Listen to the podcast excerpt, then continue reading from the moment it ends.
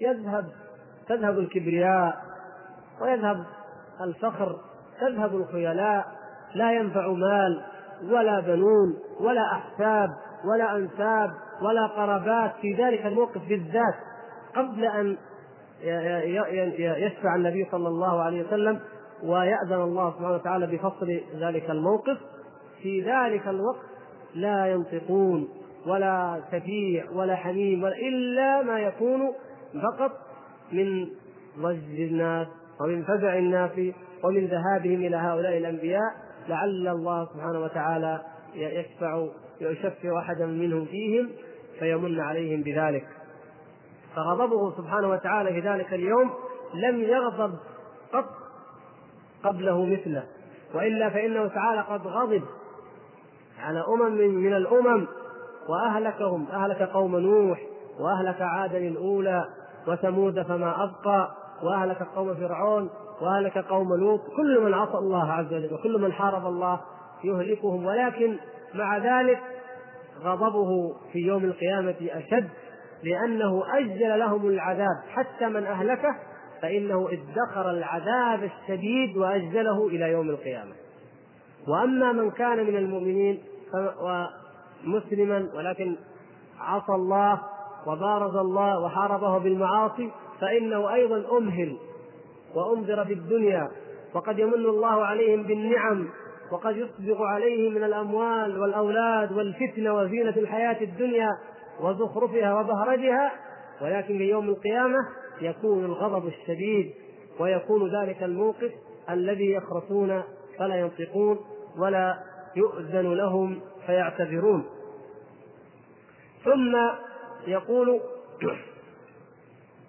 وإنه نهاني عن الشجرة.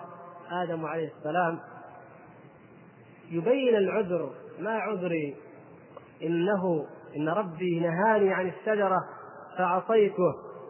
هذه المعصية انظروا يا إخوان هذه المعصية التي قد غفرت له عليه السلام قبل أن ينزل إلى هذه الدنيا قد غفرت له. ومع ذلك انظروا إلى خطر المعصية انظروا إلى ضرر المعصية. نعم غفرت له بلا شك أخبر الله بذلك. ولكن هذا الموقف لا يتقدم له إلا عبد غفر له ما تقدم من ذنبه وما تأخر ومقام لرجل واحد. وهذا الرجل لا يكون إلا من؟ إلا محمد صلى الله عليه وسلم. فآدم عليه السلام نعم غفر لي لكن يقول أنا لما أتذكر هذه المعصية لا أستطيع أن أشفع لكم. أنا قد عصيت فلا أستطيع أن أشفع لكم. نفسي نفسي نفسي نفسي. هكذا هكذا يقول من؟ يقول الأنبياء. يسأل الرجل منهم النجاة لنفسه. يهمني نفسي. أو أرجو النجاة لمن؟ لنفسي. لا أنظر إلى أمتي ولا أولادي ولا أبي. ولا أمي ولا زوجي ولا أي شيء. نفسي نفسي. هذا هذا قول الأنبياء وليس فقط غيرهم. لشدة ذلك الموقف. اذهبوا إلى غيري. اذهبوا إلى نوح. يدلهم على نوح. هذا حتى تكون الترتيب هذه حكمة من الله سبحانه وتعالى. فيتقدم نوح وهو أول الرسل وأول أولي العزم منهم. فيقول فيأتون نوحا. يأتي الناس إلى نوح فيقولون يا نوح أنت أول الرسل إلى أهل الأرض. وهذا دليل على أن نوح عليه السلام هو أول الرسل لأن بني آدم بقوا على التوحيد عشرة قرون كما أخبر بذلك حبر الأمة عبد الله بن عباس رضي الله تعالى عنه. عشرة أجيال من بني آدم بقيت على التوحيد حتى وقع الشرك في قوم نوح بعبادة الصالحين. ود وسواع ويغوث ويعوق ونسرا فانحرفوا فأرسل الله أول الرسل وهو نوح عليه السلام. قال وسماك الله عبدا شكورا إنه كان عبدا شكورا. فاشفع لنا إلى ربك ألا ترى إلى ما نحن فيه ألا ترى ما قد بلغنا؟ ينظرون يقول انظر انظر أي كرب أعظم من هذا الكرب؟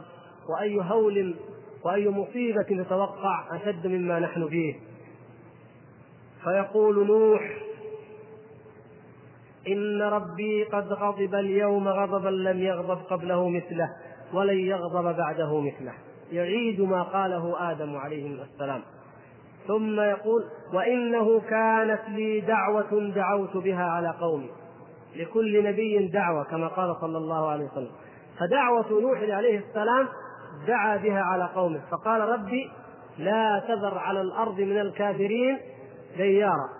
وأما رسول الله صلى الله عليه وسلم فإنه اختبأ وادخر دعوته لأم إلى هذا الموقف إلى هذا الموقف. وهذا من فضله صلى الله عليه وسلم على أمته. ثم يقول نفسي نفسي نفسي نفسي هكذا كما قال آدم عليه اذهبوا إلى غيري. اذهبوا إلى إبراهيم. فيدلهم على من؟ على أفضل الأنبياء بعده في الزمن وهو إبراهيم أبو الأنبياء وإمام الموحدين عليه وعلى نبينا وعلى جميع الأنبياء أفضل الصلاة والسلام. فيأتون إبراهيم فيقولون يا إبراهيم أنت نبي الله وخليله من أهل الأرض. اشفع لنا إلى ربك. يا خليل الرحمن اشفع إلى الجبار للعزيز الجبار المتكبر. اشفع إليه. ألا ترى ما نحن فيه؟ ألا ترى ما نحن فيه؟ ألا ترى ما قد بلغنا؟ فبماذا يجيب الخليل عليه السلام؟ فيقول نفس الكلام. إن ربي قد غضب اليوم غضبا لم يغضب قبله مثله ولن يغضب بعده مثله. نعوذ بالله من غضب الله عز وجل. وذكر كذباته ويذكر الخليل عليه السلام كذباته وهي لما قال بل فعله كبيرهم هذا وأشار إلى الصنم وهو الذي كسر الأصنام. ولما قال هذه أختي وهي زوجته صلى الله عليه وسلم. وهذه ليست في الواقع كذبا بالمعنى المعروف بالكذب وإنما هي تعريض وتلميح يفهم منه السامع غير الحقيقة وغير الواقع في حين أن ذلك الذي قاله لم يكذب. هو عليه السلام ما كذب. هذه أخته في الإسلام وهذا إما للمحاجة وإما قالوا أنه قال هذا ويريد يده أو إصبعه. المقصود أن موضوع ما يتعلق بالكذب أو بوقوع المعصية من الأنبياء هذا له مبحث آخر. لكن إبراهيم الخليل عليه السلام يقول أو يأتي بما يبرر عندهم أنني لست أهلا لها. فيقول نفسي نفسي نفسي نفسي اذهبوا إلى غيري اذهبوا إلى موسى فيأتون إلى موسى فيقولون يا موسى أنت رسول الله اصطفاك الله برسالاته وبتكليمه على الناس. اشفع لنا إلى ربك. ألا ترى إلى ما نحن فيه؟ ألا ترى ما قد بلغنا. فيعيد موسى عليه السلام نفس المقالة. إن ربي قد غضب اليوم غضبا لم يغضب قبله مثله ولن يغضب بعده مثله. وإني قتلت نفسا لم أومر بقتلها.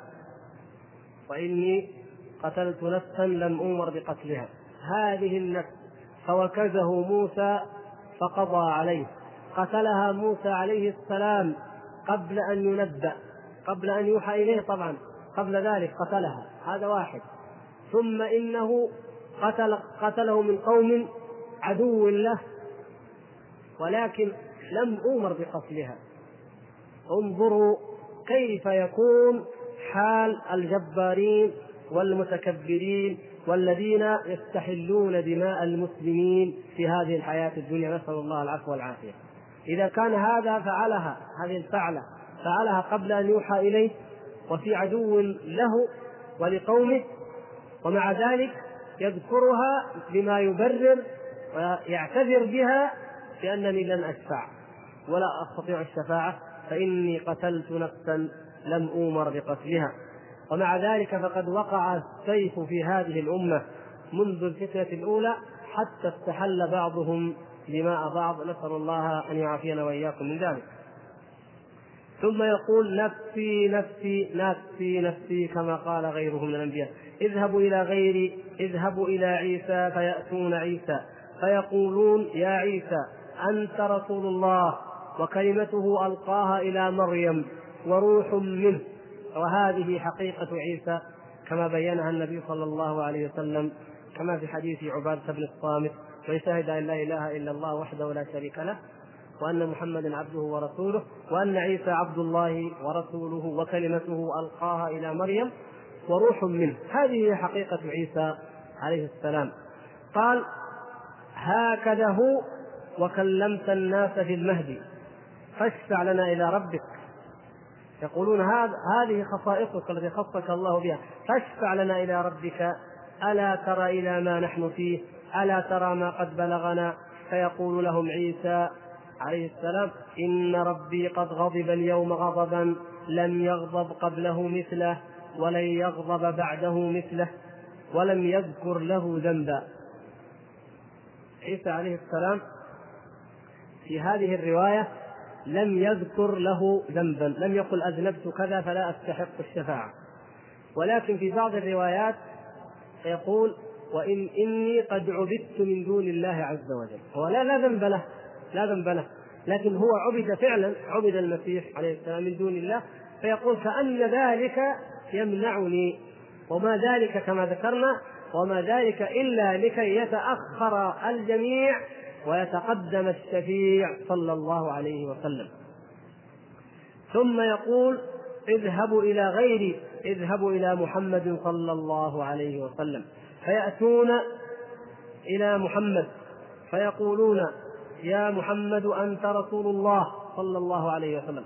وخاتم الأنبياء غفر الله لك ذنبك ما تقدم منه وما تأخر فاشفع لنا إلى ربك ألا ترى إلى ما نحن فيه ألا ترى ما قد بلغنا؟ يقول صلى الله عليه وسلم فأقوم فآتي تحت العرش. والرواية الأخرى يقول أنا لها أنا لها. حينما يتنحى ويتأخر الجميع يقول صلى الله عليه وسلم أنا لها. هذا هو المقام المحمود وهذا هو المقام العظيم الذي يختص به صلى الله عليه وسلم دون غيره من الناس. ثم يقول فأقوم فآتي تحت العرش فأقع ساجدا لربي عز وجل. الرسول صلى الله عليه وسلم يستشفع إلى ربه بهذا العمل. أقرب ما يكون العبد إلى ربه متى؟ في حال وهو ساجد. يسجد صلى الله عليه وسلم لربه عز وجل. يقول ثم يفتح الله عليه. في سجوده يفتح الله عليه. ويلهمني من محامده وحسن الثناء عليه شيئا لم يفتحه على أحد قبلي. وأيضا هذا نفهم منه ماذا؟ إذا تضرعنا إلى الله إذا سألنا الله فبماذا؟ نثني عليه سبحانه وتعالى. نثني عليه ونذكر أسماءه وصفاته العظيمة ثم نسأله ما نريد. فثناء العبد على الله موجب أو سبب لماذا؟ لحصول الخير والفضل. ف عند ذلك يقول الله تبارك وتعالى يا محمد ارفع رأسك وسل تعطى واشفع تشفع. وهذا فضل من الله سبحانه وتعالى وإكرام. حتى أن الخلق جميعا يفرحون أن الله تعالى قد شفع فيهم محمد صلى الله عليه وسلم. فيقول صلى الله عليه وسلم يا ربي إيه؟ أمتي أمتي. كل الأنبياء يقولون نفسي نفسي. إلا محمد صلى الله عليه وسلم فإنه يقول أمتي أمتي يا رب أمتي أمتي يا رب أمتي أمتي يا رب أمتي أمتي. فيقول الله سبحانه وتعالى أدخل من أمتك من لا حساب عليه من الباب الأيمن من أبواب الجنة. وهم شركاء الناس فيما سواهم من الأبواب. فيمن الله سبحانه وتعالى عليه بأن يدخل من أمته الذين يدخلون الجنة من غير حساب ولا عذاب. يعني هؤلاء قبل أن يفصل الله تعالى بين يفصل الله تعالى بين الخلائق ويجعل للجنة أهلها وللنار أهلها هناك أناس من أمة محمد صلى الله عليه وسلم يدخلون الجنة من غير حساب ولا عذاب. وهؤلاء صح في الحديث المتفق عليه أنهم كم؟ سبعون ألفا. وصح في حديث آخر أنه مع كل واحد أيضا سبعون ألفا من أمة محمد صلى الله عليه وسلم. فهؤلاء يدخلون الجنة من باب خاص من المصراع الأيمن الباب الأيمن فيدخل هؤلاء يكرم الله نبيه محمد صلى الله عليه وسلم بذلك ويرى الناس ذلك ويرون هذا هذه الطائفة من أمة محمد صلى الله عليه وسلم وهي آخر الأمم يدخلون الجنة قبل الحساب وقبل أن تنصب الموازين وقبل أن يحكم الله سبحانه وتعالى بين العباد. ثم يقول وهم شركاء الناس فيما عداه من الأبواب، بقية الأبواب أمة محمد صلى الله عليه وسلم شركاء للناس فيه، لكن هذا خاص بهم. ثم يقول صلى الله عليه وسلم: والذي نفسي بيده لما بين مصراعين من مصاريع الجنة كما بين مكة وهجر أو كما بين مكة وبصرى من سعتها من سعة الجنة ومن سعة مصاريعها ما بين المصراعين كما بين مكة وبصرى أو مكة وهجر هذا آه، شرح لله تعالى في الدرس القادم في آه، شرح كلام الشارح رحمه الله تعالى. والحمد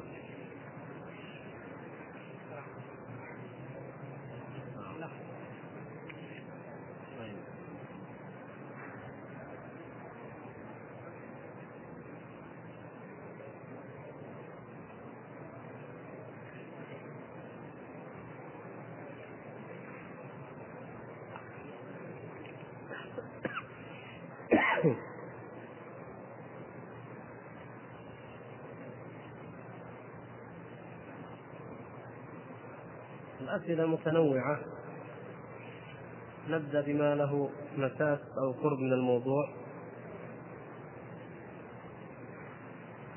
يقول الأخ مثلا هذا الحديث حديث الشفاعة الذي سمعتم يقول هو من أطول الأحاديث وحق هو من أطول الأحاديث. ومع ذلك قاله النبي صلى الله عليه وسلم وهو يأكل. نهس نهسا من الذراع ثم حدثهم بذلك الحديث. يقول أحد الإخوان هذه فائدة فيها دليل على أن الكلام على الأكل سنة وليس كما يزعم الناس من أن الكلام على الطعام من قلة الأدب ويقولون لا كلام على طعام. نعم هذا هذه فائدة ملاحظه صحيحة. ثم يسأل الأخ يقول ما شواهد بدعية المسبحة في الدين؟ وندل على ذلك. أظن المسبحة.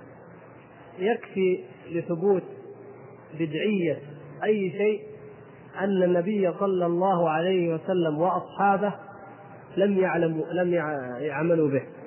هذا كافي. أي أمر من الأمور من أمور الدين أو ما يتعلق به يكفي للحكم عليه بأنه بدعة أن يكون أحدث بعد عهد النبي صلى الله عليه وسلم لأنه قال من أحدث في أمرنا هذا ما ليس منه فهو رد.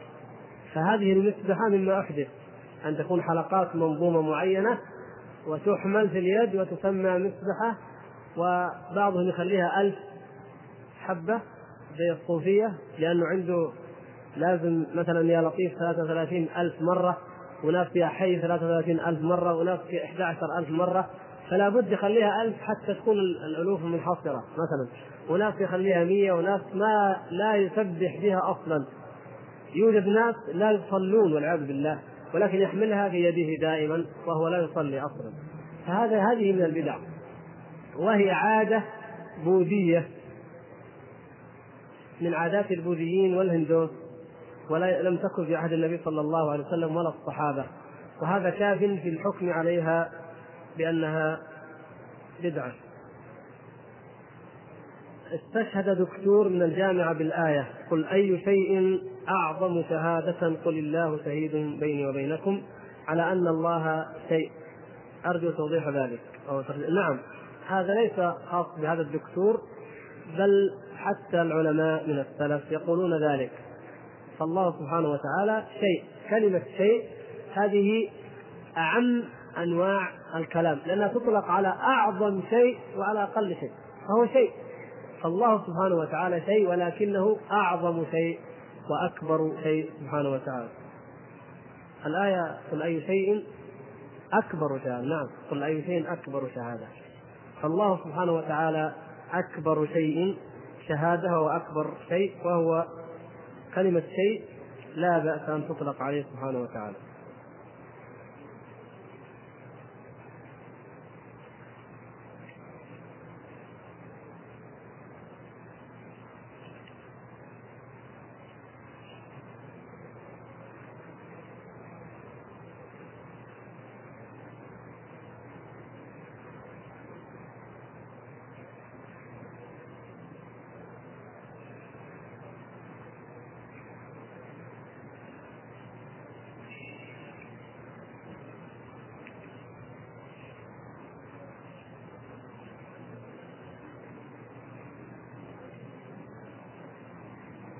يقول احد الأخوان قال الله تعالى وإذ قالت أمة منهم لم تعظون قوما؟ تعظون لابد أن تكتب ضاء بالعصا وإلا هذه تعضون هذا لا يصح. الخطأ في اللغة العربية لا ينبغي فكيف إذا كان في القرآن فهو لا يجوز حرام. لم تعظون قوما؟ الله مهلكهم أو معذبهم عذابا؟ عذابا اليما؟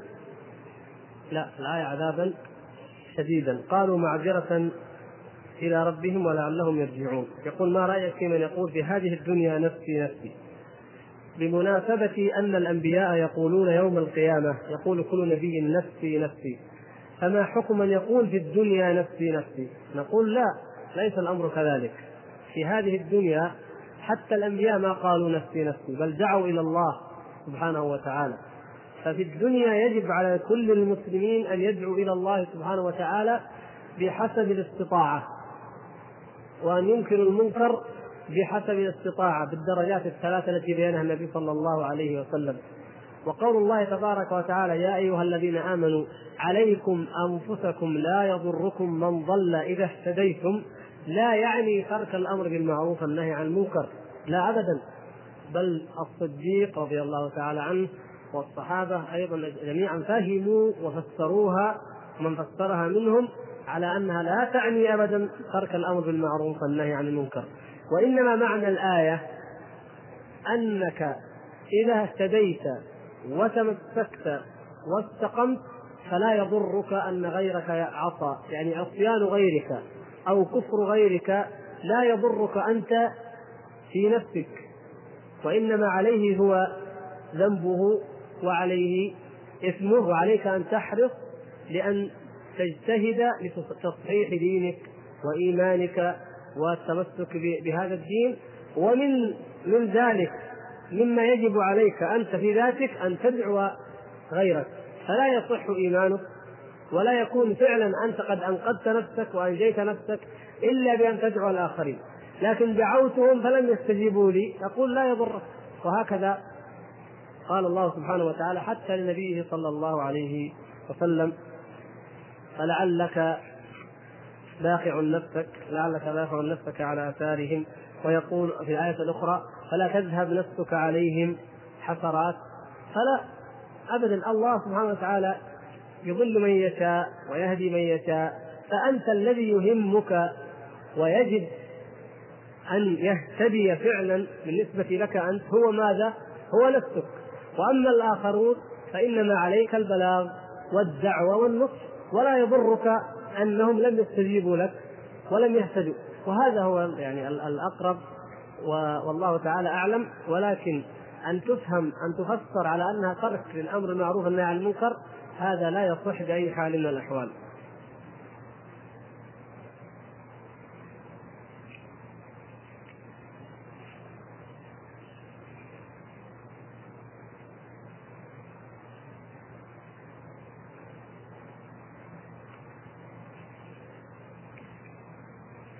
يقول الأخ هل يكون الأنبياء في نفس الغم والكرب من أهوال يوم القيامة أم يكونون في مكان خاص؟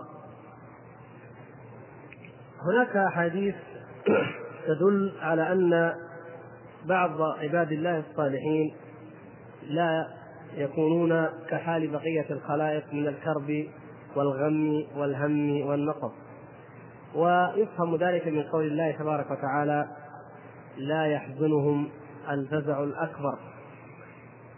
وطبعا الأنبياء أولى الناس بذلك أولى الناس بألا يخافوا ولا يحزنهم الفزع الأكبر هم الأنبياء ثم الصالحون والشهداء.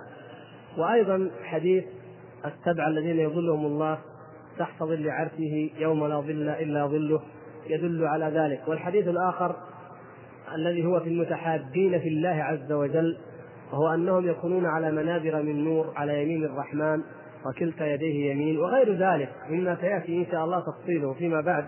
لكن نقول نعم هناك ما يدل على أن من عباد الله الصالحين من لا يحزن ولا ينصب في ذلك اليوم ولا يصيبه ما يصيب الناس من العرق ومن الأهوال.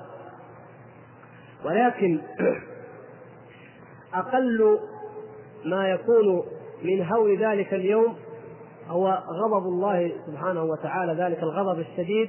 وأن الإنسان الذي لم يدخل الجنة حتى وإن كان في كرامة وفي نعمة وراحة من من ذلك الأذى فإنه ما يزال لم لم تهدأ نفسه ولم تستقر حتى يدخل الجنة. لا لا يشعر الإنسان بأن الله سبحانه وتعالى قد رضي عنه الرضا الكامل التام. إلا إذا دخل الجنة. وأما قبل ذلك فكل إنسان يخشى ولا يدري ماذا سوف يتعرض له مما يرى من الكرب ومن الهول حتى وإن كان هو في موقف آمن بالنسبة إلى أولئك الناس. لكن اشتداد ذلك الهول على سائر الخلق وما في ذلك اليوم من المواقف العظيمة الشديدة يجعل الأنبياء وغيرهم حتى عند جواز عند اجتياز الصراط يدعون يا ربي سلم سلم. هكذا دعاء الأنبياء يا ربي سلم سلم. فكل الناس في خوف. الأنبياء يخافون على أممهم. والصالحون يخافون على أنفسهم أيضا ويعني يخافون على من آه على أقربائهم على من يحبونه من الأمة على الأمة. وأيضا قد يخافون على أنفسهم. وهكذا فالكرب عام. وعظيم حتى مع وجود من لا من لا يمسه ذلك الكرب ولا يحزنه ولا يفزعه ومن من ذلك أن هؤلاء الأنبياء الكرام الذين يقولون كل منهم يحيل إلى من بعده ويقولون نفسي نفسي نفسي نفسي فلا يقولون ذلك إلا من شدة الكرب ومن شدة الهم ومن شدة الفزع وإن كانوا هم بأنفسهم في أمن منه. يعني هذا هو الأقرب وإن شاء الله تعالى آه، سوف نفصل ذلك عندما نأتي إلى ما يتعلق بالحشر والبعث ونأخذه قضية قضية بإذن الله سبحانه وتعالى.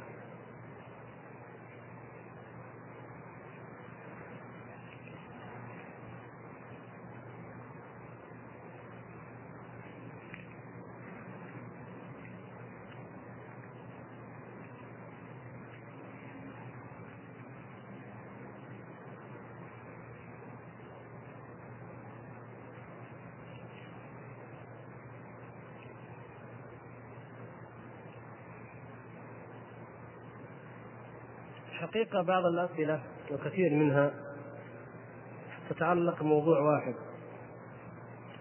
ولهذا نحب أننا نجمعها مع بعض. يعني مثلا الأخ مشكلة يشكوها بعض الإخوان. يقول الأخ في بعض الأحيان إذا خلى الإنسان بنفسه وابتعد عن الناس يحس بأن إيمانياته زائدة. ويحس بخفة الروح ولكن لا أن يختلط بالناس ويواجه الحياة. حتى تذهب هذه الأحاسيس فما الحل حتى يحافظ عليها؟ ويقول كيف يعالج الإنسان ما في قلبه من أمراض القلوب كالعجب وعدم الإخلاص وعدم مجاهدة النفس والشهوة؟ ويحس الإنسان في بعض الأمور آه، وبعدم الإخلاص فما الحل؟ وأخ آخر يقول أطرح عليكم مشكلتي وهي مشكلة كثير من الشباب ومشكلتي أنني كلما بنيت لنفسي صرحا يحول بيني وبين الشيطان يدمر ويهدم من قبل النساء. وأنا بإذن الله قد قاومت جميع الفتن من التلفزيون وفيديو وغنى وغيرها إلا النساء فلم أستطع أن أحب نفسي مع علمي أن الحظ آه، أن أحصن نفسي مع علمي أن الحصن المنيع هو الزواج أو الصيام. الأول لا استطاعة لدي في الوقت الحالي والثاني حاولت أكثر من مرة وفشلت وفشلي بسبب النساء. وأقصد بالنساء الممرضات اللاتي المستشفى فإني أخاف أن ينزل العذاب بنا من منهن فإنهن أشد فتنة من التبرج. وإلى اخره يمكن يكون يعمل في المستشفى الموضوع لا يخص الممرضات المقصود يا إخوان أنكم تشكون إلينا أمثال هذه الأمور وهذه الأمراض. ونحن نشكو إلى الله عز وجل ما تشكون ونعاني كما تعانون. كل واحد منا يعاني من أنه يحس بنقص الإيمان وبضعف الإيمان في حالات من الحالات. وإن كان من فضل الله يحس أحيانا بأنه يشعر أنه على شيء من الإيمان وشيء من الخير لكن ذلك لا يثبت عنده ولا يدوم هذا هذا حالنا جميعا. لما شكى حنظلة ذلك لقي الصديق الأعظم. قال نافق حنظلة فلقي الصديق الأعظم. قال إذا نافق أبو بكر. يعني ما هو فقط حنظلة. أبو بكر أعظم الأمة إيمانا. الذي لو وزن إيمانه بإيمان الأمة لرجح إيمانه بإيمان الأمة جميعا. هو نفسه رضي الله تعالى عنه. قال إذا أنا أيضا منافق. لماذا؟ لأنه كما قال حنظلة للنبي صلى الله عليه وسلم. يقول نكون عند الرسول صلى الله عليه وسلم. يقول أبي بكر نكون عند الرسول صلى الله عليه وسلم. فنشعر ماذا؟ بالإيمان كما يحفظ الأخ ورقه القلب. ثم نذهب فنعافس الأهل والأزواج والضياع والدنيا فتقسو قلوبنا. فلا نكون على الحالة التي كنا فيها مع رسول الله صلى الله عليه وسلم. ولكن المخرج يا إخوان من هذا بأمرين. الأول أن لا نقنط وان لا نيأس لأن الشيطان حريص أن ييأسنا وأن يقنطنا وأن يقول أنت لا إيمان لك وأنت مهما تجاهد نفسك فأنت ضعيف أمام النساء ضعيف أمام الدرهم والدينار مثلا ضعيف أمام النوم ما يمكن تصلي. اذا فتستسلم للشيطان. فياتيك من هذا الباب. فلنحذر من ذلك حذرا شديدا. وال يعني نعرف أن هذا أمر طبيعي. أن هذا أمر طبيعي بالنسبة ليش؟ للقلب. حتى قيل إنما سمي القلب قلبا لتقلبه. ما يدوم على حال يتقلب. ولذلك نحتاج الموعظة كلنا ونحتاج التذكير كلنا ونحتاج المداومة على قراءة القرآن وهكذا. فكل منا يذكر الآخر لأن القلوب تضعف وتأسن وتقسو وتصدع والمواعظ والتذكير والتفكر في الآخرة وزيارة القبور والتفكر في مصارع الأمم الغابرة قراءة القرآن وكل ما هو من مما يرقق القلب. هذا هو السبب الثاني الذي نريد أن نقوله. فلا يقنط الإنسان ويعالج نفسه. يعالجها بالأسباب التي تداوي القلوب وترقق القلوب بعيدا عن كتب الضلال. وإن سماها أصحابها مثلا تنبيه الغافلين أو مثلا دواء كذا أو دواء العجب دواء الكبرياء دواء كما مثلا في في إحياء علوم الدين وأمثاله. نحذر من أمثال هذه الكتب وإن كان في بعضها خير لكن نتعالج بأفضل علاج وهو القرآن وهو السنة. وننظر إلى ما في كتاب الله من المواعظ فنتعظ بها.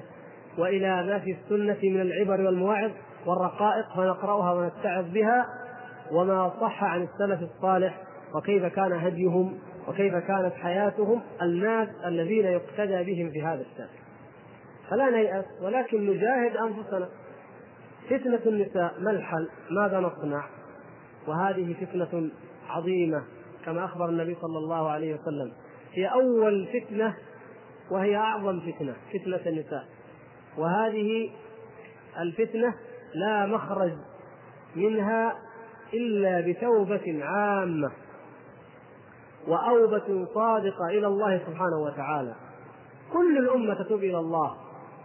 ما دام هنالك من لا يبالي بهذا الأمر ما دام في الأمة من لا يبالي بأن يستخدم الخادمات بأن يستخدم الممرضات الفاتنات بل يستخدمن يستخدمن هؤلاء الممرضات يستخدمن لجلب الزبائن هل رأيتم مستشفى خاص جاب ممرضات مثلا حبشيات شفتوا شيء من هذا؟ كان جاب واحدة ولا اثنتين فرضا يعني ليش؟ المسألة ما هي لو كانت أعلى شهادة عندها القضية قضية جلب للزبائن وليست قضية علاج لو جبنا واحدة سوداء دميمة أو أي شكل من الأشكال وهي أكثر أبرع امرأة في اللغة العربية وأفضل امرأة في مخارج الحروف. هل تذيع في التلفزيون مثلا؟ أو حتى تغني؟ لابد أن تكون هناك شرط أساسي. أفضل أحسن الناس في الإدارة أو أكثر الناس اهتمام بالإدارة وتحقيق العمل الناجح المثمر لا يرضى بسكرتيرة قبيحة ولو كانت عندها دكتوراه في الإدارة وخبرة 30 سنة في الإدارة وإتقان ولكن يرضى بواحدة فيها صفات معينة يريدها وإن لم تعمل أي شيء إلا تحمل الأوراق تدخل بالأوراق وتخرج بالأوراق المرض يا إخوان في القلوب موجود. فإذا كان فينا من يهدم وفينا من يبني وقد يكون الهدم أكثر فلا نتوقع علاج عام لهذه المشكلة. لكن كل إنسان عليه بعلاج نفسه بقدر ما يستطيع. أنت في هذه السفينة في سفينة المجتمع احرص على ألا تخرق السفينة من أي جهة من الجهات لأن إذا خرقت غرق الناس غرق الركاب جميعا. لكن أنت في خصوصك إذا تحطمت وتمزقت تحرص على لوحك الذي أنت عليه لا تغرق لا تفلت.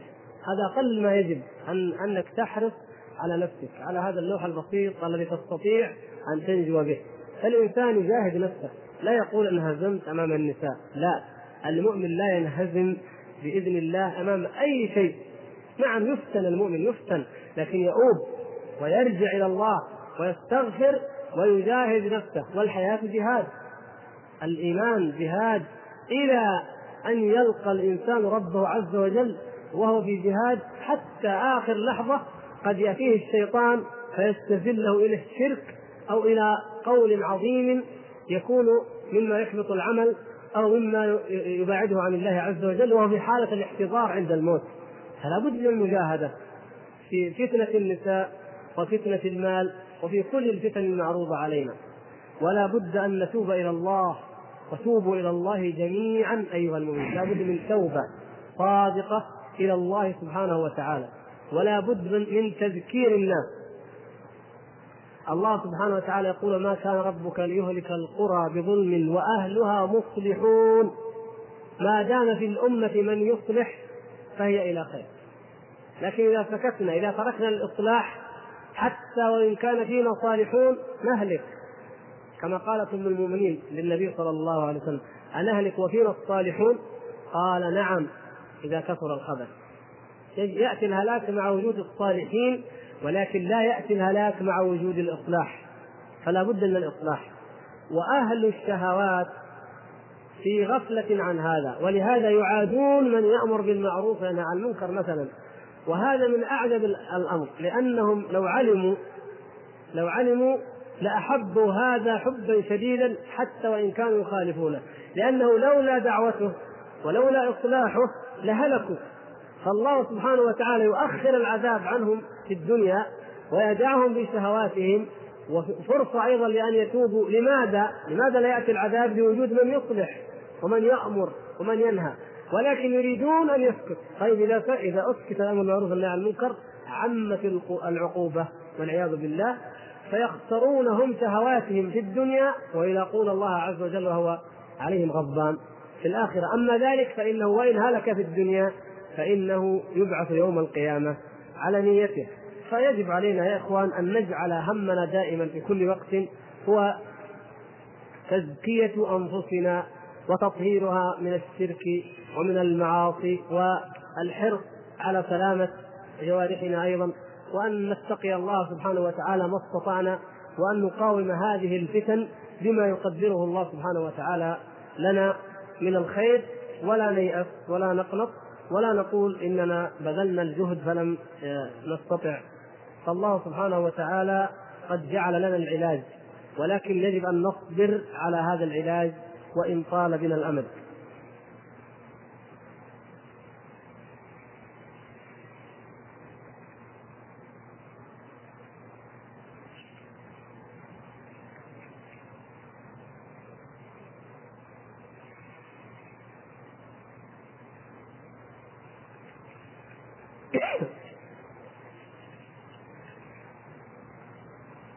بعض يعني الأسئلة أو كثير منها قد سبق أننا يعني تحدثنا عنها قضية المولد. ما في زيادة إن بعض الأخوان يقول أنه وجد من يتحدى ويقول إن المولد جائز. هذا التحدي ليس كلاما أتحدى وأتحدى. الله سبحانه وتعالى أمرنا إذا اختلفنا في شيء أن نرده إلى من؟ إلى الله والرسول. فلا نريد تحديا نريد شيئا من كتاب الله ومن سنة رسول الله صلى الله عليه وسلم. وكل من يقول لك أن الاحتفال بالمولد جائز قل له متى متى وجد الاحتفال بالمولد. فإن قال لك سنة 369 ولا قال سنة 800 621 ولا أي تاريخ يجيبه لك فقل قد أجبت على نفسك. هل شيء يفعل بعد النبي صلى الله عليه وسلم بثلاثة قرون أو ستة قرون يكون من الدين وصاحبه يرجو به الأجر والثواب لا يمكن والمقتضي لعمل المولد قائم ولا لا؟ الداعي إلى إلى عمل المولد قائم ولا لا؟ موجود في عهد النبي صلى الله عليه وسلم وفي عهد الصحابة وفي عهد التابعين ولا لا؟ ما هو المقتضي والداعي إلى المولد؟ أليس محبة الرسول صلى الله عليه وسلم؟ تعظيم الرسول صلى الله عليه وسلم، تكريمه هذا التعظيم والمحبة والتكريم. موجود في عهده صلى الله عليه وسلم؟ موجود، موجود في عهد الصحابة؟ طيب موجود، فإذا أي شيء يوجد داعيه ومقتضيه في عهد في زمن النبوة ولا يوجد ولا يشرع هذه هي البدعة. هذه هي البدعة. حقيقة البدعة أنها شيء وجد داعيه. فالنبي صلى الله عليه وسلم لم يأمر ولم يشرع لأمته أن تحتفل بمولده. فإذا تحتفل به. إذا فعلت ذلك فإنها تكون قد ابتدعت في دين الله سبحانه وتعالى. فالمسألة ما هي تحدي؟ يقول نتحدى من يقول نقول له لا تتحدى أحد اكتب شيئا من العلم قال الله وقال رسول الله صلى الله عليه وسلم وأعرض ما لديك من شبهات ولكل شبهة جواب. عند أهل الحق وعند العلماء الحمد لله موجودون وقد كتبوا في ذلك وردوا على الشبهات. والأمر أهون من أن يكون مسألة تحديات إلا إذا كان دافع ذلك هو الكبر والعياذ بالله والاستكبار على الحق.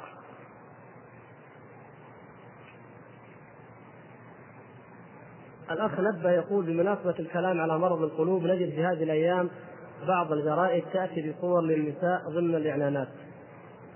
نرجو التنبيه على ذلك لأن هذا باب شر منفتح طبعا يعلم الجميع أن هناك مرسوم ملكي أو أمر ملكي بمنع آه، نشر يمنع الجرائد السعودية من نشر صور النساء. هذا موجود. ونعم يمكن يقول قد يتحايلون عليه بأن يظهروها في صورة يعني إعلان أو شيء من هذا. فواجبنا اذا أن نذكرهم. هؤلاء المحررين هؤلاء منا من مجتمعنا ما هم جايين منا. يعني ممكن بالتليفون بالمعرفة أنا أعرف واحد يقول يا أخي أنت نشرت هذا وهذا ممنوع. هذا شيء من واجبنا. نتناصح وما دام عندنا أمر وهذا الأمر ولله الحمد آه، يتفق مع ما أمر الله وهو مما يلزمهم. لأن لو قلت لهم قال الله قال الرسول قد لا يستجيبون. لكن ذكرهم بأن هناك أمر فلا يصح عندئذ أن تخالفوه. ولن يستطيعوا أن يقولوا لك لا لأن الأمر لديهم وهم يعرفونه. لكن يريدون أن يتحايلوا عليه قليلا قليلا ويسكت الناس وثم بعد ذلك تعود الأمور إلى ما كانت عليه قبل ذلك الأمر.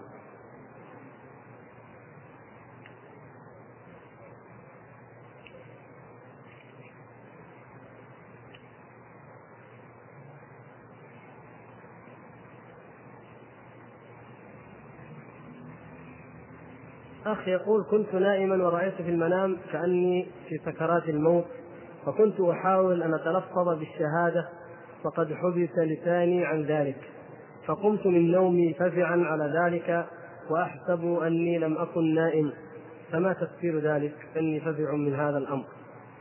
أنا لا أفسر هذا هذه الرؤيا ولكن أقول أن آه هذا الأخ لا يحزن ولا يغتم من ذلك لأن حقيقة النوم غير حقيقة الموت. فمن شدة الكرب هو طبعا أفاق من شدة همه وغمه لأنه لم ينطق الشهادة أفاق من نومه. فلا يهتم بذلك كثيرا ولكن أوصيه ونفسي أيضا بالإكثار من ذكر الله سبحانه وتعالى والإكثار من قول هذه الشهادة. فلعل في هذا تذكيرا له ولنا جميعا بأن نكثر من قول لا إله إلا الله فإن الإنسان لا يدري متى يلقى الله قد يدهمه الموت فجأة. فكلما أكثر من منها وكررها كلما كان ذلك خير. فهي أفضل الكلام. ومما لا ينبغي للمؤمن أن يفوته. والله أعلم.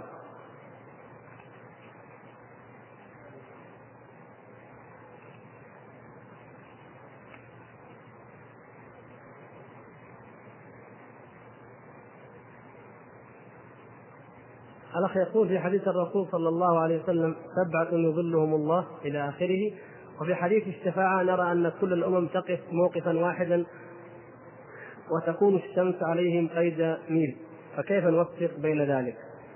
لا تعارض لا تعارض بين ذلك هؤلاء الذين في ظل العرش مختصون بذلك وبقية الناس ليسوا في الظل وإلا لما بقي لحديث الظل دلالة.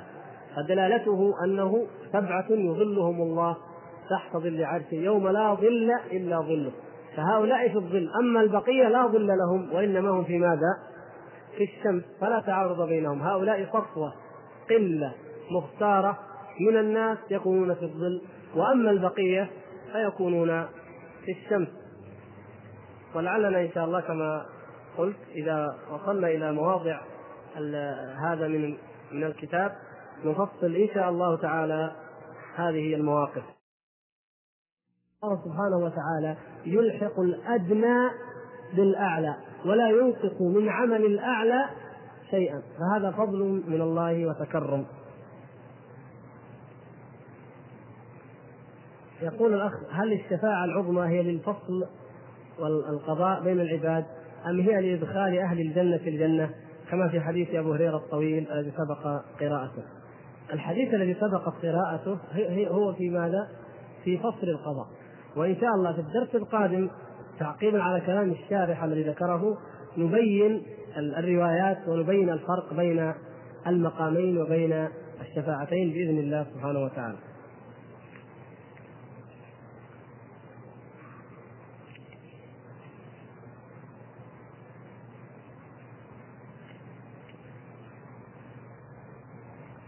سمعت نحو هذا الكلام. إن بعض دعوات النبي صلى الله عليه وسلم لم يستجب لها.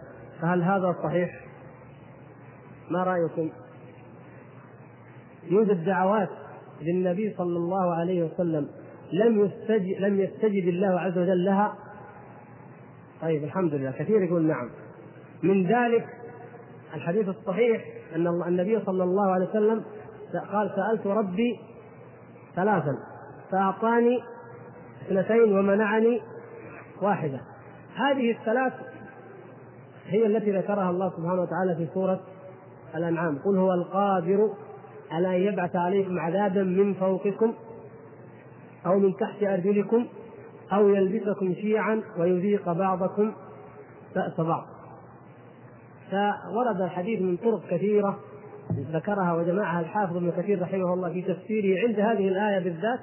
أن النبي صلى الله عليه وسلم صلى صلاة وحسنها وأطال فيها وأجادها ودعا الله سبحانه وتعالى أن لا يهلك بعذاب من فوقه من فوقها فاستجيب له وأن لا يهلكها بعذاب من من تحتها يعني لا خف ولا قد فاستجيب له ولا عذاب عام. كما في الحديث الآخر إن الله سبحانه وتعالى استجاب النبي صلى الله عليه وسلم أن لا يهلك أمته بسنة عامة أي بعذاب عام يعم المسلمين فيموتون جميعا. ولكن الثالثة التي أبى هي ماذا؟ هي أن يسلط بعضهم على بعض فيقتل بعضهم بعضا ويسبي بعضهم بعضا. وهذا هو الحاصل منذ وقعت الفتنة الأولى إلى أن تقوم الساعة. إذا وضع السيف في هذه الأمة لم يرفع إلى قيام الساعة والسيف واقع بين المسلمين. هذه واحدة. من الأشياء الأخرى أيضا أنه صلى الله عليه وسلم لما كان يقنت ويدعو على بعض كفار قريش. وأنزل الله تبارك وتعالى عليه ليس لك من الأمر شيء أو يتوب عليهم أو يعذبهم. وبعضهم تاب وأسلم عام الفتح بالفعل بينما دعا عليه النبي صلى الله عليه وسلم. أيضا النبي صلى الله عليه وسلم قال اللهم لا تجعل قبري عيدا. وهذا الحديث صححه بعض العلماء وطعن بعض العلماء في صحته أو قالوا إنه مرسل لكن نحن نفترض صحته أنه صح. فدعا النبي صلى الله عليه وسلم بأن لا يجعل قبره عيدا. ومع ذلك اتخذ القبر عيدا وفعل أهل البدع ما فعلوا عند القبر. فلم يستجب له. لماذا؟ يأتي أهل البدع ويقولون النبي صلى الله عليه وسلم دعاءه مستجاب. فإذا نحن نأتي ونجعل القبر عيدا ونفعل ما نشاء وندعو الرسول صلى الله عليه وسلم وما يشملنا الأمر لأن لأنه ما هو ليس عيد في الحقيقة ما هو عيد لأن النبي صلى الله عليه وسلم دعا ودعاه مستجاب. نقول لا النبي صلى الله عليه وسلم ليس كل دعائه مستجابا ولكن هذا الدعاء ينفع النبي صلى الله عليه وسلم. دعا الله أن لا يجعل قبره عيدا دعا الله أن لا يعبد فعبد.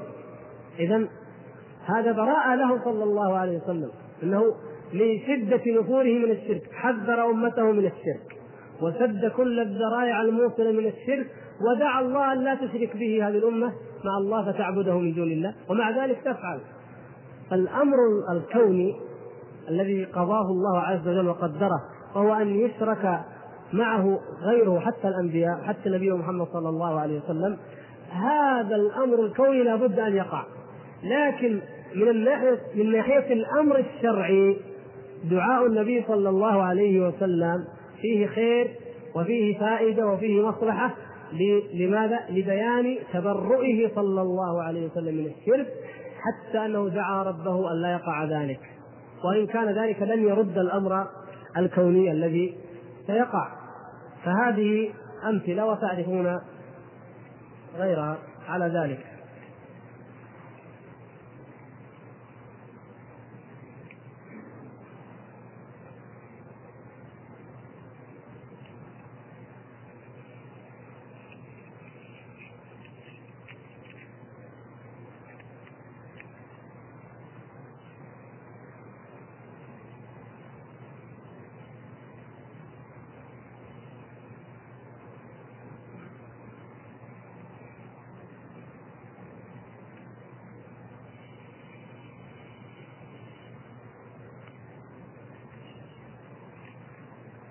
اخ يقول رجل توفي وفي آخر سنتين لم يصلي وعندما جاء رمضان عاد للصلاة وفي الأيام الأخيرة ترك الصلاة ثم مرض ونصحناه بالصلاة لكنه كان دائما الأذى من بول ونحوه وذلك كان يمنعه من الصلاة رغم توضيحنا بجواز الصلاة هل مثل هذا تجوز فيه الشفاعة أم لا؟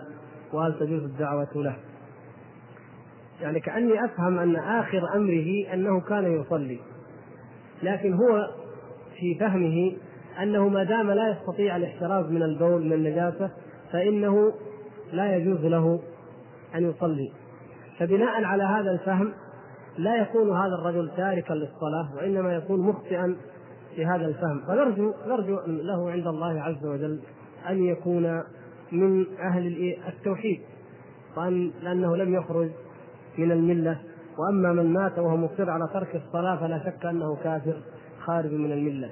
لكن هذا كما أفهم من السؤال أنه لم يدعها عنادا كما كان سابقا وإنما تركها باجتهاد وظن أنني ما دام لا أتحرز من الأذى فلا تصح صلاتي. وهذا غير صحيح.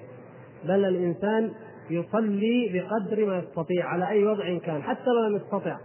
أن يتطهر وحتى لو لم يستطع أن يلبس مثلا لو حبس إنسان في مكان في سجن أو في مكان وهو عريان تماما يصلي بدون لباس ويصلي حتى بدون طهارة فلا تسقط الصلاة بأي حال من الأحوال.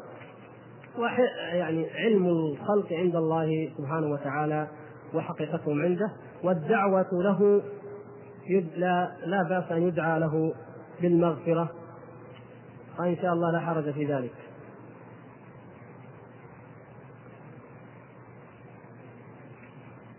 في بعض الإخوان يقول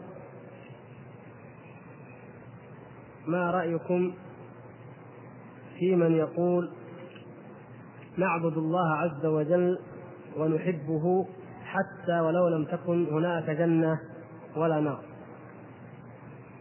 الجنة والنار موجودة ولا لا؟ موجودة. والله سبحانه وتعالى ذكرها في القرآن. وأنه للمطيعين الجنة للمتقين الجنة وللفجار النار. ما الذي يجعلنا نقول لو ما في جنة ولا نار نفترض شيء خلاف الواقع. يعني ما, ما الذي يجعلنا؟ قد يكون هذا نوع من العزيمة. العزيمة على إيش؟ على شيء من الخير نحن لسنا أهلا له. حتى لما سئل بعض العباد. قالوا بما عرفت ربك؟ قال بضعف الهمم وانفساخ العزائم. نعم يعزم لكن ما يدري. فما الذي يحوجك إلى أن تعزم على أمر لم يحوجك الله سبحانه وتعالى إليه ولم يتعبدك به؟ وتقول لو ما خلق الجنة ولا النار أنا أيضا أحبه وأنا سوف أعبده وأنا لماذا؟ لماذا؟ بعضهم قال لو أدخلت الجنة آه عفوا لو أدخلت النار لرضيت. قيل لماذا؟ قال لأن ربي لا يقدر لي إلا الخير فأنا أدخلها وأنا راضي. نفس الشيء. هذه الهمة وهذه العزيمة لا نأمل الانفساخ بل حتما سوف تنفسخ. سوف يذهب الرضا عندما يرى ذلك. ولذلك تجدون أن واحد منهم لما كان يقول وليس لي في سواك حب أو فكيف ما شئت تمتحني نسأل الله العافية. كان من العباد هو في القرن الثالث. فيقول إنه لم يبق لي في سواك أي تعلق. لا أحب غيرك وكل ما تقدر علي أنا راضي به. فكيف ما شئت فامتحني نسأل الله العفو والعافية. فامتحنه الله بحبس البول أو بفلس البول. فابتلي فانفسخت العزيمة وذهبت الهمة وآخذ يصرخ على نفسه ويقول أيها الناس أيها الصبيان اضحكوا على عمكم المسكون نسأل الله العفو والعافية. ما يستطيع المؤمن ما يستطيع. لماذا لا نقول اللهم عافنا واعف عنا كما أمر النبي صلى الله عليه وسلم. نسأل الله العفو والعافية والمعافاة. هكذا. ولا نسأله سبحانه وتعالى غير ذلك ولا نفترض الخيالات. هذه هذه مقدمة. الموضوع هذا موضوع مفرق طريق بين الإسلام وبين البوذية والرهبانية وأمثالها. نحن في دين الإسلام الذي أنزل الله تعالى هذا القرآن العظيم بيانا له وأرسل محمد صلى الله عليه وسلم ليعلمنا إياه. لا يوجد عندنا هذا الافتراض أصلا. خادم رسول الله صلى الله عليه وسلم أنس بن مالك يقول كان أكثر دعاء النبي صلى الله عليه وسلم كما في صحيح البخاري أكثر دعاء النبي صلى الله عليه وسلم. ما هو؟ ربنا آتنا في الدنيا حسنة وفي الآخرة حسنة وقنا عذاب النار. طيب إمام الموحدين إبراهيم عليه السلام ماذا طلب؟ الله سبحانه وتعالى أيضا. ولا تخزني يوم يبعثون يوم لا ينفع مال ولا بنون إلا من أتى الله بقلب سليم. وهكذا. وكل الأنبياء يقول الله سبحانه وتعالى إنهم كانوا يسارعون في الخيرات ويدعوننا رغبا ورهبا وكانوا لنا خاشعين. كل الأنبياء كانوا يدعون الله رغبه ويدعون الله تعالى خوفا. وجاء ذلك في دعاء النبي صلى الله عليه وسلم. رغبة في آه، رهبة منك ورغبة إليك.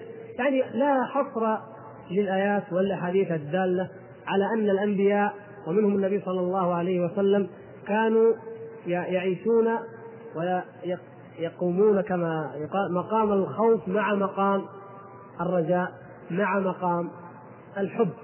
ولهذا قال السلف الصالح من عبد الله بالحب وحده فهو زنديق ومن عبد الله بالرجاء وحده فهو مرجئ ومن عبد الله بالخوف وحده فهو حروري يعني خارجي. ومن عبد الله بالحب والخوف والرجاء فهو المؤمن. انظروا كيف نعبد الله في جميع بهذه الحالات الثلاث جميعا. مفرق الطريق بين الإسلام وبين الرهبانية والبوذية أن أولئك يقولون نحبه لذاته. لا يطمعون في جنة ولا نار ولا يفكرون فيها يقول لذاته. بل هم يقولون حتى تتحد ذاتنا بذاته فقط. غاية ما يريدونه البوذيون عباد الهنود وعباد البوذ أن أن تتحد ذاتهم بذات الله والعياذ بالله. هكذا دينهم. ما فيه جنة ولا نار ولا بعث. ما فيه إلا التناسخ إذا اتحدت روح البرهمي في هذه الدنيا يعني استطاع في هذه الدورة يسمونها دورة من دورات التناسخ هذه الحياة. جاهد جاهد وعذب نفسه حتى تتحد بالذات العليا. انتهى خلاص. إذا مات وهو ما اتحد ما تعبد حتى يتحد يبعث في دورة ثانية بعد آلاف سنين هكذا يقدرونها في صورة إيش؟ حيوان كلب أو خنزير أو أي شيء ثم يبدأ دورة جديدة ثم هكذا حتى يتحد هكذا دينهم. باطل كذب افتراء على الله عز وجل. الصوفية أخذوا منهم هذا الجانب الاتحاد. الفناء يسمونه الفناء في الله أو الاتحاد بالله وما أشبه ذلك. وقالوا نتيجة لذلك نحن لا نبالي لا بالجنة. ولا بالنار. والعياذ بالله. وحتى قال قائلهم نسأل الله السلامة والعافية وينقل عن رابعة العدوية أنها قالت سمعت قارئا يقرأ وفاكهة مما يتخيرون ولحم طير مما يشتهون. فضحكت وقالت يعدوننا بالفاكهة والطير كأننا أطفال والله ما نريد إلا وجهه. والعياذ بالله. هذا من الذي يعد بهذا؟ الله سبحانه وتعالى وكيف ما تريد إلا وجهه؟ ها هي أفضل من الصحابة وأفضل من التابعين، أفضل من الأنبياء الذين يدعون الله أن يكونوا من أهل الجنة ويتنعموا بها، هذا وعد الله ما هو وعد من أحد، فلذلك قال أبو داود ورابعة رابعتهم على الزندقة. فمن يقول بأنه يحب الله أو يعبد الله فقط لذاته لا حبا في جنته ولا خوفا من ناره فهو زنديق. وإن قالها غير ذلك من الناس الطيبين فهو مخدوع لم يفهم حقيقة مذهبهم أما اللي يقول على سبيل الافتراض يقول لو فرضنا إن الله ما خلق الجنة ولا النار لكان واجب علينا أن نطيعه وواجب علينا أن نحبه. هذا يعني افتراض مثال. نقول لا نحتاج هذه الافتراضات لأن الواقع أن الجنة والنار مخلوقة وأن الله سبحانه وتعالى تفضل للمتقين بالجنة. وجعل عقوبة الفجار هي النار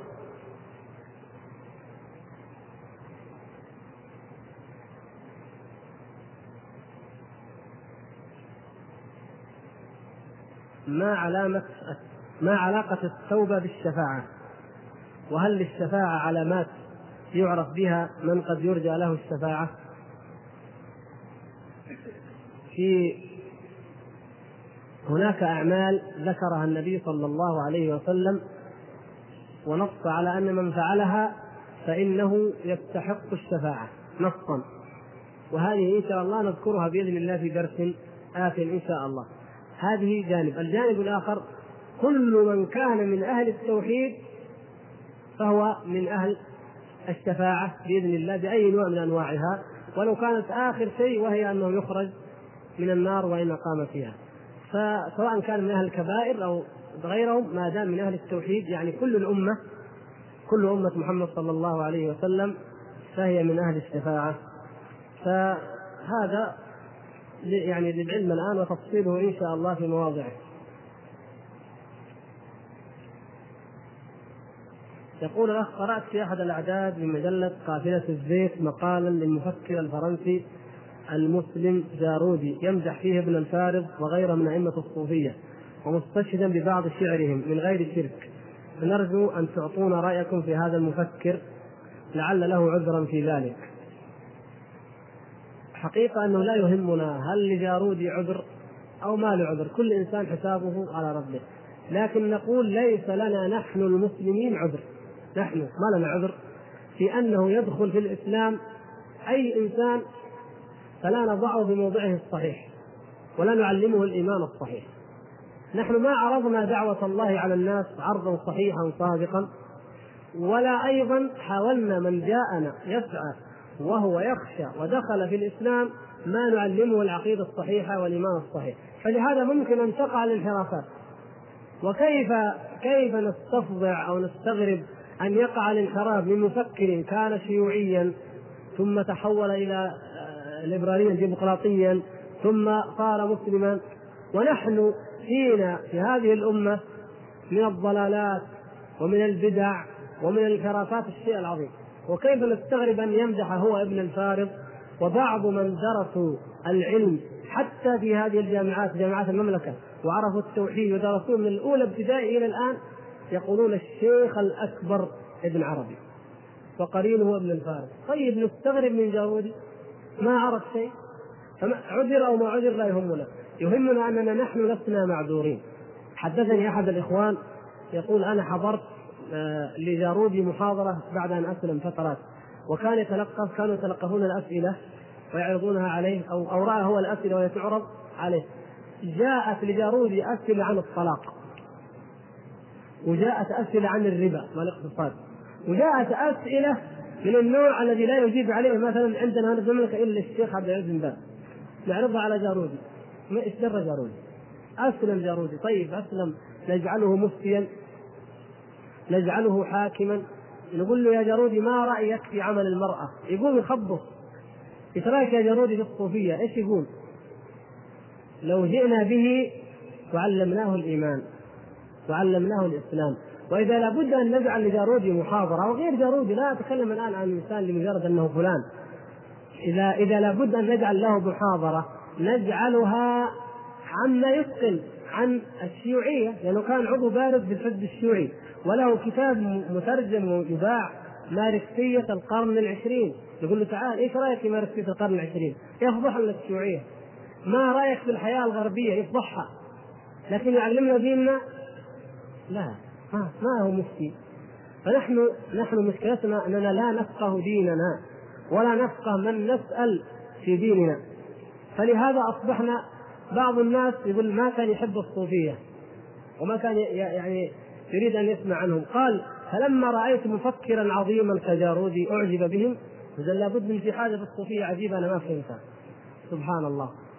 إذا أصبحت تقتدي به بدل ما تعلمه الوضوء تعلمه الصلاة تعلمه مبادئ التوحيد تعلم الأشياء اللي هو وأمثاله أحوج إليها واذا بك تقتدي به في أمور أنت وهو لا تستطيعون أن تفهموها ولا أن تعرفوا وجه الحق في وجه الباطل فيها. هذا ما أحببنا أن نذكر به بشأن أمثال هؤلاء الناس.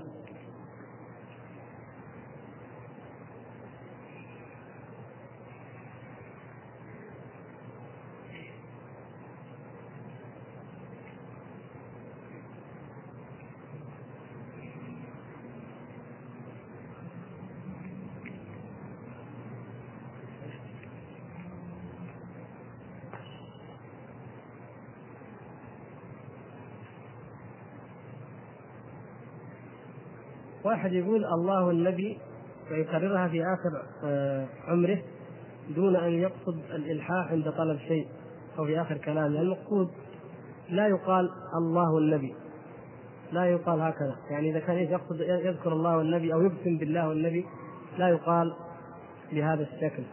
لا هذا من شرك الألفاظ.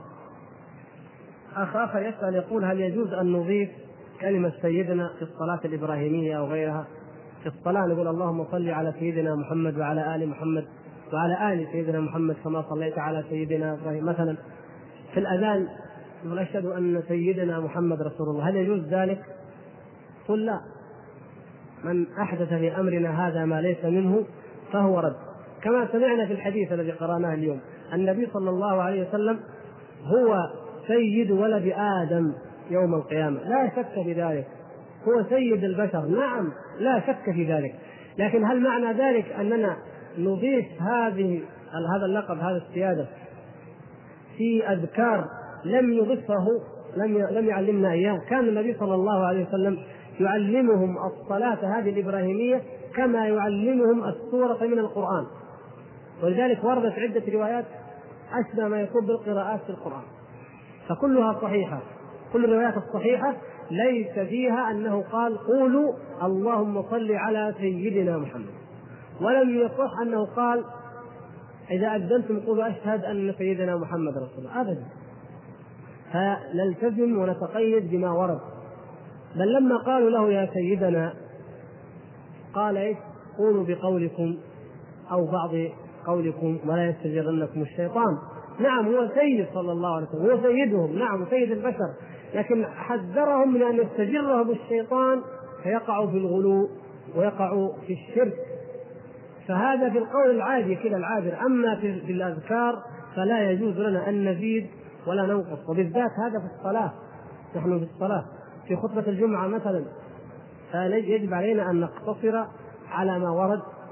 وهذا لو قمنا بما ورد لكفانا ذلك. ما أكثر والله ما نقصر فيما صح وورد عن النبي صلى الله عليه وسلم. ما الذي يحوجنا إلى أن نبتدع ونزيد؟ ونحن ما قمنا بالواجب الذي لا شك أنه مشروع ووارد.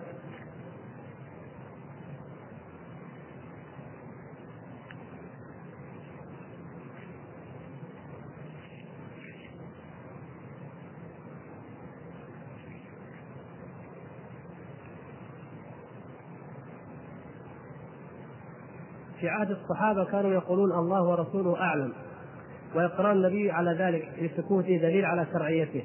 أخذ منه بعض الناس جواز إشراك النبي مع الله دون لفظ ثم. فيكثر مثلا في الجنوب من قولهم الله ومحمد. يغطك أظن يغطك. أفدنا في ذلك. الصحابة ما قالوا للرسول صلى الله عليه وسلم الله ورسوله أعلم؟ إلا في حالة اقرأوا جميع الأحاديث تجدوها حالة واحدة. أن النبي صلى الله عليه وسلم يسألهم عن أمر فيقولون له الله ورسوله. أعلم. ما ورد إنه اثنين من الصحابة الجالسين قال إيش رأيك في كذا؟ قال له الله ورسوله أعلم. وهو غائب النبي صلى الله عليه وسلم. لا ابدا. إنما كانوا يخاطبونه. إذا سألهم ردوا قالوا الله ورسوله أعلم. قضية أنه بعد وفاته صلى الله عليه وسلم يجي واحد يقول الله ومحمد يفعل بك كذا هذا جعل لله سبحانه وتعالى شريك بلا شك وهو شريك في الفعل والله سبحانه وتعالى لا شريك له في أفعاله وهذه من خلقه وهذه أفعاله التي يحيي ويرزق يميت يعطي يمنع ينفع يضر هذا له وحده لا شريك له ولا يفعل معه أحد أبدا لا النبي صلى الله عليه وسلم ولا غيره. فهذا مثل هذا الكلام لا يجوز والاستشهاد بهذه هذا الكلام استشهاد به في غير موضعه. فليست الواو في جميع الحالات لها معنى واحد ولا ثم. ولهذا كلام تفصيل لا نستطيع الآن لأن الوقت قد اقترب